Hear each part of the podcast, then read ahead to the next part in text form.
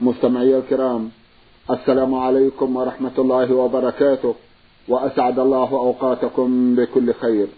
هذه حلقة جديدة مع رسائلكم في برنامج نور على الدرب. رسائلكم في هذه الحلقة نعرضها على سماحة الشيخ عبد العزيز ابن عبد الله بن باز الرئيس العام لإدارات البحوث العلمية والإفتاء والدعوة والإرشاد. مع مطلع هذه الحلقة نرحب بسماحة الشيخ. ونشكر له تفضله بإجابة السادة المستمعين فأهلا وسهلا بالشيخ عبد العزيز. حياكم الله وبارك فيك حياكم الله. نعود في بداية هذه الحلقة إلى رسالة وصلت إلى البرنامج من المنطقة الشرقية بطيق وباعثها مستمع من هناك هو ميم حادال. أخونا عرضنا بعض أسئلة له في حلقة مضت وفي هذه الحلقة لا زال يسأل عن عادات موجودة في منطقة القنفذة كما يقول فمن ضمن تلك العادات ما ذكره بقوله إنه إذا ولد المولود قطع سره ويوضع بداخل الكتب من أجل إذا كبر يحب العلم.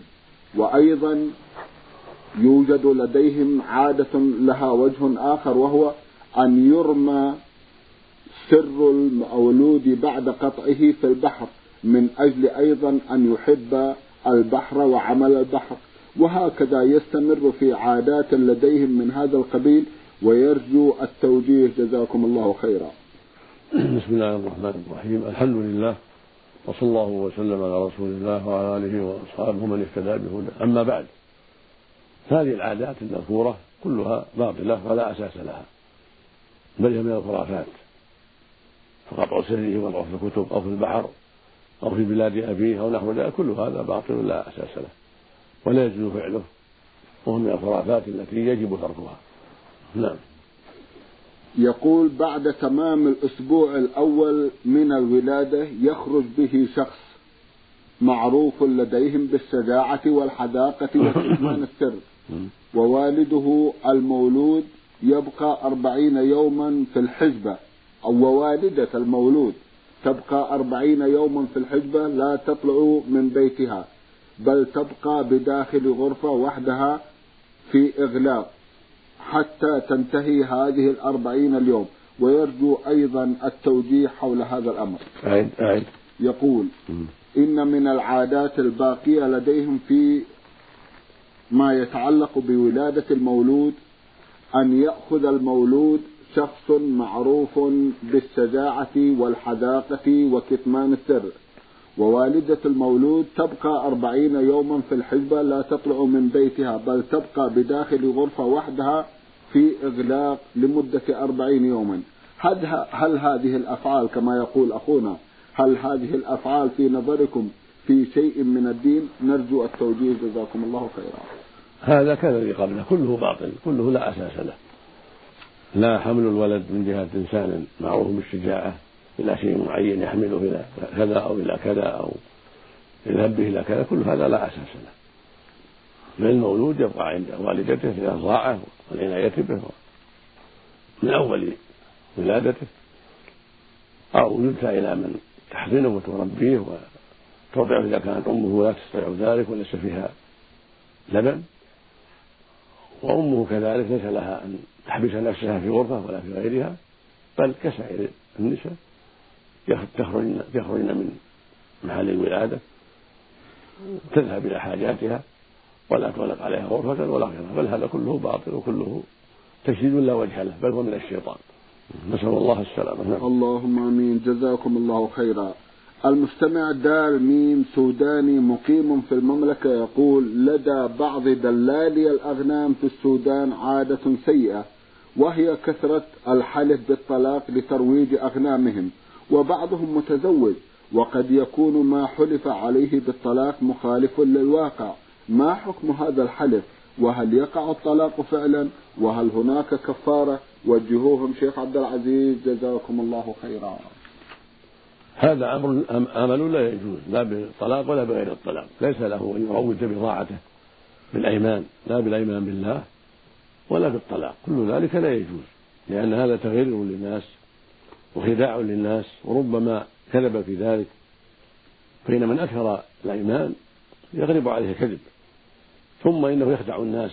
قد يكون كاذبا في ذلك فيخدع الناس بأيمانه حتى يشتروا سلعته وإن كانت رديئة أو يشتروها بأكثر من ثمنها لكثرة أيمانه.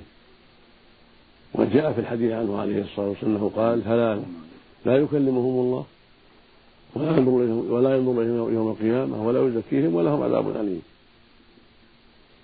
وشيمط زاني يعني شايب زاني. وعائل مستكبر يعني فقير مستكبر. ورجل جعل الله بضاعته لا يشتري إلا بيمينه ولا يبيع إلا بيمينه. لكثرة الحلف في البيع والشراء أمر منكر وخطير. ومن أسباب غضب الله عز وجل فينبغي المؤمن أن يحذر ذلك. وأن لا يكثر الأيمان. فإن دعت الحاجة إلى اليمين فليكن صادقا. من غير إكثار فإن اتهموه بأنه غاش في كذا أو غاش في كذا وهو ليس بغاش بل صادق وحلف لهم يمينا بالله أنه صادق فلا بأس بذلك عند الحاجة. أما إكثار الأيمان بالطلاق أو بالله هذا لا يجوز. وهو من أسباب الكذب ومن أسباب الخداع والغش. وإذا كان صادقا في طلاقه لا يقع شيء. لكن ما ينبغي له استعمال ذلك لأنه وسيلة إلى وقوع الباطل وسيلة إلى الطلاق الكاذب وسيلة إلى فراق أهله. فينبغي للمؤمن أن يحذر ذلك وأن يعتاد الصدق مع قلة الأيمان والمحافظة عليها. والله يقول سبحانه واحفظوا أيمانكم. والإكثار من الأيمان من أسباب الكذب من أسباب الوقوع في الكذب ومن أسباب غش الناس وخديعة الناس. فالواجب الحذر من ذلك. وإذا كان في يمينه صادقا أو في طلاقه صادقا فلا شيء عليه. لكن لا ينبغي له يكثر من ذلك بل يكون عند الحاجة مع القلة والعناية بعدم الكثرة حتى يسلم من الوعيد الشديد ومن غضب الله عز وجل. أما الكاذب هذا فيه وعيد الكذب نسأل الله العافية وهو على خطر عظيم من الوعيد. في كذبه في أيمانه وفي طلاقه. ويقول النبي صلى الله عليه وسلم من حلف على يمين من حلف على يمين فيها كاذب لقي الله عليه أربعا نسأل الله العافية فالواجب على المؤمن أن يحذر. وإذا كان كاذبا فقد ذهب أكثر أهل العلم إلى أنه يقع الطلاق نسأل الله العافية. والصواب أنه لا يقع الطلاق لكنه لا يجوز له. قصده من يمينه أن يصدق في ذلك وأن تقبل سلعته وأن يأمنه الناس في ذلك. فهو في ذلك مجرم إذا كان كاذبا ولكن ليس قصده إيقاع الطلاق وإنما قصده أن يصدقه الناس وأن يقبلوا سلعته. فهو على كل حال في هذا ظالم مجرم ولا يجوز له فعله. وأما وقوع الطلاق فلا يقع لأن قصده تصديقه وليس قصده. إيقاع الطلاق فيكون كفارة يمين في أصح قول العلماء لكن لا يجوز له تعاطي ذلك بل يجب عليه الحذر من ذلك لئلا يوهم الناس ولئلا يخدع الناس ولأن الكذب محرم مطلقا. نعم. جزاكم الله خيرا ونفع بعلمكم. رسالة وصلت إلى البرنامج من ليبيا باعثها أخ لنا من هناك يقول محمد إبراهيم حميد. أخونا محمد يسأل ويقول أرجو من سماحة الشيخ تفسير قوله تعالى في كتابه العزيز في سورة الأنبياء بسم الله الرحمن الرحيم وما أرسلناك إلا رحمة للعالمين. الآية على ظاهرها. الله سبحانه أرسل نبيه محمد صلى الله عليه وسلم رحمة للعالمين. فهو رسول الله إلى الجن والإنس إلى الجميع. كما قال تعالى قل يا أيها الناس إني رسول إني رسول الله لكم جميعا. قال سبحانه وما أرسلناك إلا كافة للناس بشيرا ونذيرا. فهو رسول الله إلى الجميع وهو رحمة الله إلى العالمين بأسباب رسالته وطاعة أوامره. ينزل الغيث وينتفع العالم كله الدواب والشجر والجن والإنس والحيوانات. وتقوم الحجة على الكافر ويبلغ الرسالة. فهو رحمة للعالمين جميعا. فمن دخل في رسالته صارت الرحمة كاملة في حق ودخل الجنة ونجا من النار. ومن لم يدخل قامت عليه الحجة وانتفت المعذرة. وصار بذلك قد رحم من جهة بلاغه ومن جهة إنذاره حتى لا يقول ما جاءني بشير ولا نذير. هذا نوع من الرحمة. ثم ما يحصل من الخير من الغيث الذي ينتفع به الكافر والمسلم وما يحصل من الأمن بالعهود والمواثيق يحصل به الرحمة والخير للمسلم والكافر إلى أشباه ذلك من الخيرات التي تقع بأسباب هذه الرسالة حتى للكافر حتى للدواب. فهو صلى الله عليه وسلم رحمة للعالمين جميعا. لكن من دخل في الإسلام واستقام على الدين صارت الرحمة حقها أكثر وأكمل. ومن لم يدخل في دين الله نال من الرحمة بقدر ما حصل له من الخير من غيث وأمن ورزق واسع بأسباب هذه الرسالة ومن أمنه في بلاده بالعهود والمواثيق التي بينه وبين المسلمين إلى غير ذلك من أنواع الرحمة. نعم. جزاكم الله خيرا. أخونا محمد من ليبيا يسأل أيضا ويقول هل يجوز الاتجار في العملة من أجل الربح؟ فمثلا لو قمت بتصريف 300 دينار ليبي نحصل على 1000 دولار. والألف دولار في المصارف التونسية 800 دينار تونسي. وقمت ذا بعد ذلك بتبديل 800 دينار تونسي مع 800 دينار ليبي فنكون بذلك قد ربحنا خمسة 500 دينار ليبي. هل هذا حلال أم حرام؟ المعاملة في العمل والبيع والشراء في العمل جائزة لكن بشرط اليد باليد يعني التقابض. فإذا باع عملة ليبية بعملة أمريكية أو مصرية أو غيرهما يدا بيد فلا بأس. كان يشتري دولارات بعملة ليبية يدا بيد يقبل من أو يقبل ويسلم أو اشترى عملة مصرية أو إنجليزية أو غيرها أو غيرهما بعملة ليبية أو غيرها يدا بيد. أما إلى أجل أو من غير قبض فلا يجوز. ربا. فلا بد من التقابض في المجلس يدا بيد وإلا يكون ربا. نعم. رسالة وصلت إلى البرنامج من المستمع السيد حسن أحمد مصري مقيم في العراق. أخونا يسأل عن كتاب بدائع الزهور في وقائع الدهور. هل ما جاء في هذا الكتاب يعتبر من الصحيح؟ لا لا, لا يعتمد. هذا الكتاب خرافي لا يعتمد ولا يعول عليه. نعم. جزاكم الله خيرا. الرسالة التالية رسالة وصلت إلى البرنامج من ألمانيا الغربية. باعث الرسالة مستمع من هناك يقول أخوكم محمد فريحة. الأخ محمد يسأل ويقول أرجو إفادتي عن السؤال التالي. هل يصل إهداء قراءة القرآن إلى روح الم... إلى روح الأموات؟ إذا كان جواب نعم فالمعروف أن الشافعي رحمه الله ينكر هذا. وقال مالك رحمه الله ما علمنا أحدا فعل ذلك. ومذهب أحمد أيضا ألا قراءة على القبر. هذا ما قرأته في كتاب رياض الصالحين. أرجو إعطائي الجواب الشافي. أسأل الله لنا ولكم العافية. هذه المسألة اختلف فيها العلماء رحمة الله عليهم. فمنهم من رأى أن قراءة الأموات تنفعهم وتلحقهم وقاسوا ذلك على الصدقة عنهم والدعاء لهم. وآخروا من أهل العلم كالشافعي رحمه الله وجماعة من أهل العلم قالوا لا لا تلحقهم لأن ليس عليها دليل. لم يرد عن النبي صلى الله عليه وسلم ولا عن الصحابة فعل ذلك. والعبادات ليست محل قياس العبادات توقيفية ليست محل قياس. فلا يلحق الأموات إلا ما جاء به الشرع كالصدقة عنهم والدعاء لهم والحج عنهم وقضاء الدين عنهم والعمرة عنهم هذا هو اللي جاءت في النصوص. أما القراءة عنهم أو الصلاة عنهم هذا لم يرد وهذا هو الصواب. الصواب والأرجح من قولي العلماء أنه لا يلحق الأموات إلا ما دل عليه الشرع.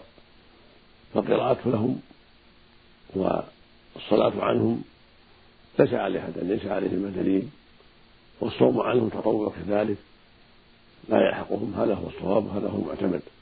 أما الصوم عنهم إذا كان واجب قضى عنهم دينا واجبا كان صوم رمضان مات ولم يصم من غير عذر يعني أفطر عن مرض مثلا أو سفر ثم لم يقضي تساهل ولم يقضي هذا يصام عنه. كما قال النبي صلى الله عليه وسلم من مات وعليه صيام صام عنه وليه. كذلك الديون تقضى عنهم. هكذا الحج عنهم والعمرة هكذا الدعاء لهم والاستغفار لهم كله يلحقهم كله ينفعهم. أما قراءة لهم الصلاة لهم هذا لا يسعى أو صوم تطوع لهم يسعى عليه دليل. وقول بأن ذلك لا يلحقهم هو الأرجح وهو الأقرب والأظهر في الدليل. والله ولي التوفيق. جزاكم الله خيرا. إذا ما قرأه أخونا في كتاب رياض الصالحين هو الصحيح.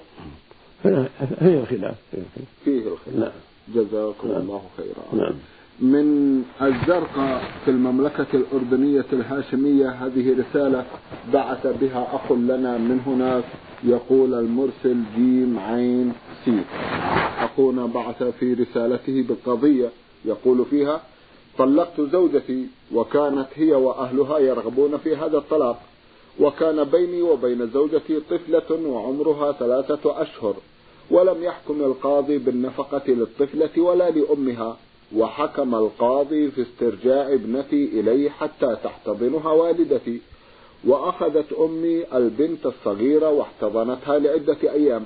بعد ذلك اعترض أخي الأكبر على هذا الوضع بحجة أن أمي لا تستطيع أن تحتضن البنت أكثر من ذلك وأرجعنا ابنتي إلى والدتها. وتزوجت أنا بامرأة أخرى ومضى على طلاق الزوجة الأولى ست سنوات وتزوجت هي أيضا من زوج آخر ثم تطلقت منه والطفلة ما تزال في حضانتها وهي الآن في الصف الأول الابتدائي وأردت أن أسترد البنت إلي لكن أخي قال بأنهم لا يريدون أن يحضروا الطفلة إلى بيتي خوفا عليها من زوجتي الثانية. وقالت زوجتي بأنها مستعدة لحضانتها في أي وقت. قال لي إخوتي بأنك مسؤول عن الطفلة ويجب عليك أن تبعث إليها بنفقة. سؤالي يا سماحة شيخ هو هل يجب علي أن أبعث إليها بنفقة ولم يحكم القاضي في ذلك؟ وهل علي إثم؟ وما هو موقف أخوتي تجاهي؟ جزاكم الله خيرا. هذا إلى المحكمة. هذا إلى المحكمة وفيما تراه المحكمة الكفاية إن شاء الله. جزاكم الله خيرا. إذا ننتقل عن هذه القضية. نعم. استغرقنا في وقتها في نعم. وقت قراءتها الوقت لا بأس نعم. جزاكم الله خيرا. نعم. المستمع ميم ميم عين من ليبيا بعث برسالة يقول فيها كما علمت أن مصافحة المرأة الأجنبية حرام. هل يجوز لي مصافحة امرأة خالي؟ وأرجو توضيح المحارم. لأن والدتي قالت إذا لم تصافح امرأة خالك لا أصافحك. هل يجوز طاعتها في ذلك؟ المصافحة للنساء لا تجوز. قال النبي صلى الله عليه وسلم إني لا أصافح النساء. وقال عائشة رضي الله عنها ما مست يد رسول الله صلى الله عليه وسلم يد امرأة قط. ما كان يبايعهن إلا بالكلام. ولأن مصافحة النساء فيها فتنة خطر. كالنظر إليهن. فالواجب عدم مصافحة النساء سوى المحارم. أما المحارم فلا بأس. والمحارم من يحرم عليك نكاحها. كأمك وبنتك وأختك وخالتك وعمتك وبنت أخيك وبنت أختك كما بين الله في كتابه العظيم في سورة النساء. حيث قال عز وجل حرمت عليكم أمهاتكم وبناتكم وأخواتكم وعماتكم وخالاتكم وبنات الأخ وبنات الأخت وأمهاتكم التي ارضعنكم وأخواتكم من الرضاعه الآية. هؤلاء هن المحارم. أمك وجداتك من الأب والأم وهكذا بناتك وبنات أولادك وبنات بناتك محارم هكذا بنات هكذا أخواتك وبناتهن. وبنات بناتهن أنت خالهم وهكذا عماتك محارم وخالاتك محارم. أما بناتهن فلسن محارم لكن خالاتك محارم وعماتك محارم. بنات أخيك وبنات أبناء أخيك وبنات بناتهن كل ذلك محارم. بنات أختك كذلك وبنات بناتهن كل ذلك محارم. وبنات أبناء أختك كلهم كلهن محارم وأمك من الرضاعة وجداتك من الرضاعة وأخواتك من الرضاعة وبناتكم من الرضاعة وعماتكم من الرضاعة وخالاتكم من الرضاعة وبنات أخيك من الرضاعة وبنات أختك من الرضاعة كلهن محارم لقول النبي صلى الله عليه وسلم يحرم من الرضاع ما يحرم من النسب. وليس لك أن تصافح زوجة خالك ولا زوجة عمك ولا زوجة أخيك لأنهن لسن محارم. زوجة أخيك وزوجة عمك وخالك لسن محارم. وليس لك أن تطيع أمك في ذلك. حتى ولو قالت أمك تصافحها لا تصافحها.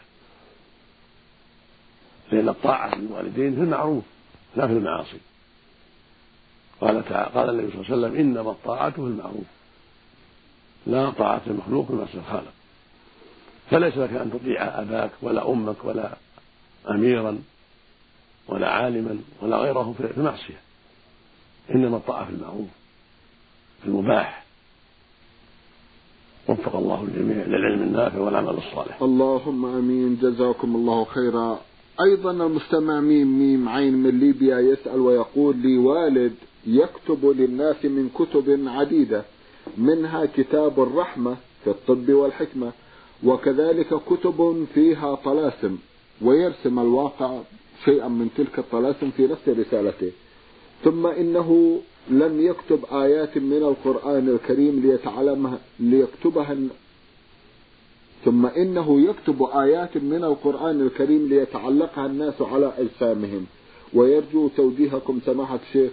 وهل إذا لم يطع والده في هذا الموضوع يعتبر عاقا أو لا؟ الواجب نصيحة والدك وإخباره أنه لا يجوز.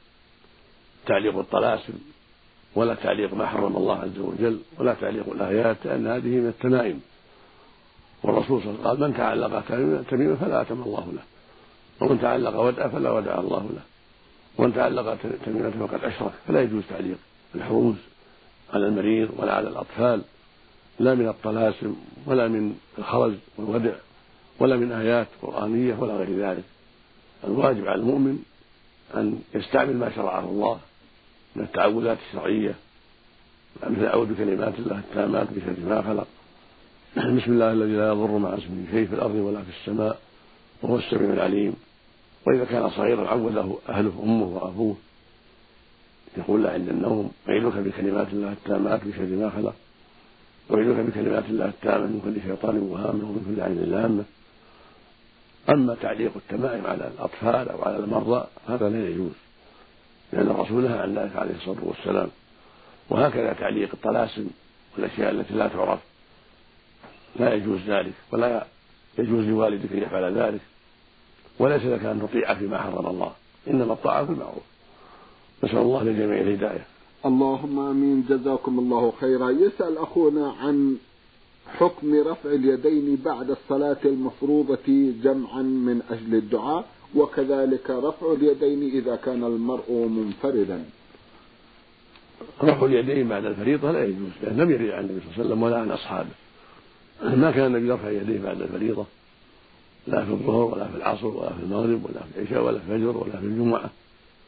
فلا يجوز المسلم أن يرفع لأن هذا حدث بدعة لا جماعيا ولا فرديا سواء كان فردا أو مع الجماعة. وليس الإمام يفعل ذلك مع الجماعة. بالدعاء الجماعي لأن هذا محدث. والنبي والنبي عليه الصلاة عليه الصلاة والسلام قال من عمل عملا ليس عليه أمره فهو رد. وقال أيضا عليه الصلاة والسلام من أحدث في أمرنا هذا ما ليس فهو رد. فالواجب على أهل الإسلام التمسك بالشريعة والحذر من البدع. وكان النبي صلى الله عليه وسلم يقول في خطبة الجمعة أما بعد فإن خير الحديث كتاب الله. وخير الهدي هدي محمد صلى الله عليه وسلم وشر الأمور محدثاتها وكل بدعة ضلالة. لكن نرفع يديه في الدعاء دعاء الاستغاثة اذا استغاث بالمسلمين استسقى للمسلمين أو استسقى ولي الأمر في خطبة الجمعة أو في صلاة الاستسقاء أو بعض خطباء المساجد استسقوا دعوا الله لغير المسلمين فالسنه رفع اليدين. هكذا دعا نفسه المسلمين يدعو ويرفع يديه في دعائه في غير صلاة الفريضة لا بأس لأن هذا من أسباب الإجابة. لكن شيء ما فعله النبي صلى الله عليه وسلم لا تفعله. إذا سلمت من الفريضة لا ترفع يديك أو من الجمعة لا ترفع يديك لكن إذا دعوت في أوقات أخرى أو بعد النافلة لا بأس أن ترفع يديك وكذلك إذا حدث حادث فدعوت ربك أن الله يرفع هذا الحادث عن المسلمين أو عنك في بيتك أو في أي مكان ترفع يديك كل هذا لا بأس به. كان النبي صلى الله عليه وسلم حدث حادث رفع يديه ودعا. وهكذا طلب منه بعض أصحابه يده رفع يديه ودعا عليه الصلاة والسلام. ودعا في الاستسقاء ورفع يديه عليه الصلاة والسلام. نعم. جزاكم الله خيرا. رسالة وصلت إلى البرنامج من إحدى الأخوات المستمعات تقول المرسلة جيم عين ألف سين. أختنا لها عدد من الأسئلة من بينها سؤال يقول إذا منعني زوجي من صلة الأرحام هل أطيعه في ذلك؟ ومن هم الأرحام الذين تجب صلتهم علي جزاكم الله خيرا؟ إذا منعك الزوج من الصلة لم يلزمك طاعته لأن الرسول عليه الصلاة والسلام يقول إنما الطاعة في المعروف. فإذا أمرك بقطيعة الرحم فلا سمع ولا طاعة. لا مانع أن تصل أرحامك بالمال والدعاء لهم بالتوفيق والهداية ولا سيما إذا كانوا فقراء تحسن إليهم من الزكاة أو غيرها من مالك لا من ماله. لا مال أن تعطي تعطي أرحامك وتصلي أرحامك من مالك أنت لا من ماله هو. أما ماله فلا بد من إذنه. أما مالك أنت إذا وصلت أمك أو أخواتك أو عماتك أو خالاتك بشيء من المال لفقرهن فلا بأس ولا حرج عليك. وإذا كنت تخشين من شره فصليهن سرا بطريقة خفية لا يعلمها جمعا بين المصلحتين حتى تتقي شره وحتى تفعلي المعروف في أقاربك المحاويج من طريق السر ومن طريق الخفية حتى لا يسيء إليك وحتى لا يضرك وحتى لا يتسبب طلاق. نسأل الله للجميع الهداية اللهم آمين. جزاكم الله خيرا. شيخ عبد العزيز تسأل عن بعض الكتب موجودة لديها. أنا متردد في ذكر أسماء الكتب لأنها ذكرت أنها كتب شعوذة. وتستنصحكم شيخ عبد العزيز حول هذه الكتب كيف تتصرف فيها ولا سيما وقد سمتها بالكتب الصفراء. سمت شيء منها؟ سمت منها شيء لكني متردد. وش وش؟ شيخ عبد العزيز ذكر هذه الأسماء ربما يجعل بعض ضعاف النفوس يبحث عنها فيستفيد منها. المقصود إذا كانت تعرف أنها كتب رديئة فلا تستعملها، إذا كانت تدعو إلى الكهانة أو إلى الشعوذة أو دعاء الشياطين والاستعاذة في الشياطين أو ما أشبه ذلك فالواجب تركها والحذر منها. كل كتاب يدعو إلى الباطل وإلى طاعة الشياطين أو سؤال الشياطين أو الكهنه والمنجمين يجب تركه والحذر منه. ولا تستعمل الكتب الطيبة كتب الأحاديث الطيبة المعروفة كتب الفقه المعروفة. أما الكتب التي فيها الشر والدعوة إلى الشر فلا يجوز استعمالها. نسأل الله السلامة. اللهم آمين. جزاكم الله خيرا. تقول أختنا إن والدها يعمل على تربية الأغنام والأغنام تؤذي الجيران في أكل أشجارهم وخلاف ذلك إلى جانب أنه دائما يطلب مني جلبها ومن مكانها يوجد وفي مكانها يوجد رجال. وترجو التوجيه شيخ عبد العزيز جزاكم الله خيرا. الواجب على أبيك أن يصون غنمة عن إيذاء الناس. يصونها في محل خاص في حوش خاص ويعلفها ولا يجوز إطلاقها على الناس حتى تؤذيهم. وليس لك أن تعيني على ما يضر الناس. إذا كان ذهابك إلى الغنم يضر الناس ويضر زروعهم وخضراواتهم فليس لك أن تفعلي ما يضر الناس ولو أمرك أبوك بذلك. لأن الرسول يقول عليه الصلاة والسلام إنما الطاعة في المعروف. لا طاعة في مخلوق في الخالق. وهكذا إذا كان ذهابك إلى الأغنام في خطر على عرضك من الرجال الفسقة والسفهاء فلا تذهبي إليه. إليها أيضا واعتذري إلى أبيك بالكلام الطيب والأسلوب الحسن وقولي إن هذا خطر علي وأنت لا ترضى بالخطر علي. فاعتذري بالكلام الطيب والأسلوب الحسن. ولا تخاطري بنفسك مع السفهاء والفسقة. ولا تخاطري بنفسك أيضا في أن يدعو عليك الجيران في إطلاق الغنم عليهم حتى تأكل اعلافهم وتأكل زروعهم كل هذا لا يجوز. والله سبحانه يقول وتعاونوا على البر والتقوى. ولا تعاونوا على الإثم والعدوان. فلا تعيني أباك على الإثم والعدوان ولا تعيني أباك بشيء يضرك في دينك. فالحرص على سلامة دينك وعرضك أمر مطلوب وإن لم يرضى والدك بذلك. نسأل الله لنا وله الهداية. اللهم آمين. جزاكم الله خيرا. شيخ عبد العزيز في الختام أتوجه لكم بالشكر الجزيل بعد شكر الله سبحانه وتعالى على تفضلكم بإجابة السادة المستمعين. وآمل أن يتجدد اللقاء وأنتم على خير. نسأل الله ذلك اللهم آمين. مستمعي الكرام كان لقاؤنا في هذه الحلقة مع سماحة الشيخ عبد العزيز ابن عبد الله بن باز الرئيس العام لإدارات البحوث العلمية والإفتاء والدعوة والإرشاد. شكرا لمتابعتكم وإلى الملتقى وسلام الله عليكم ورحمته وبركاته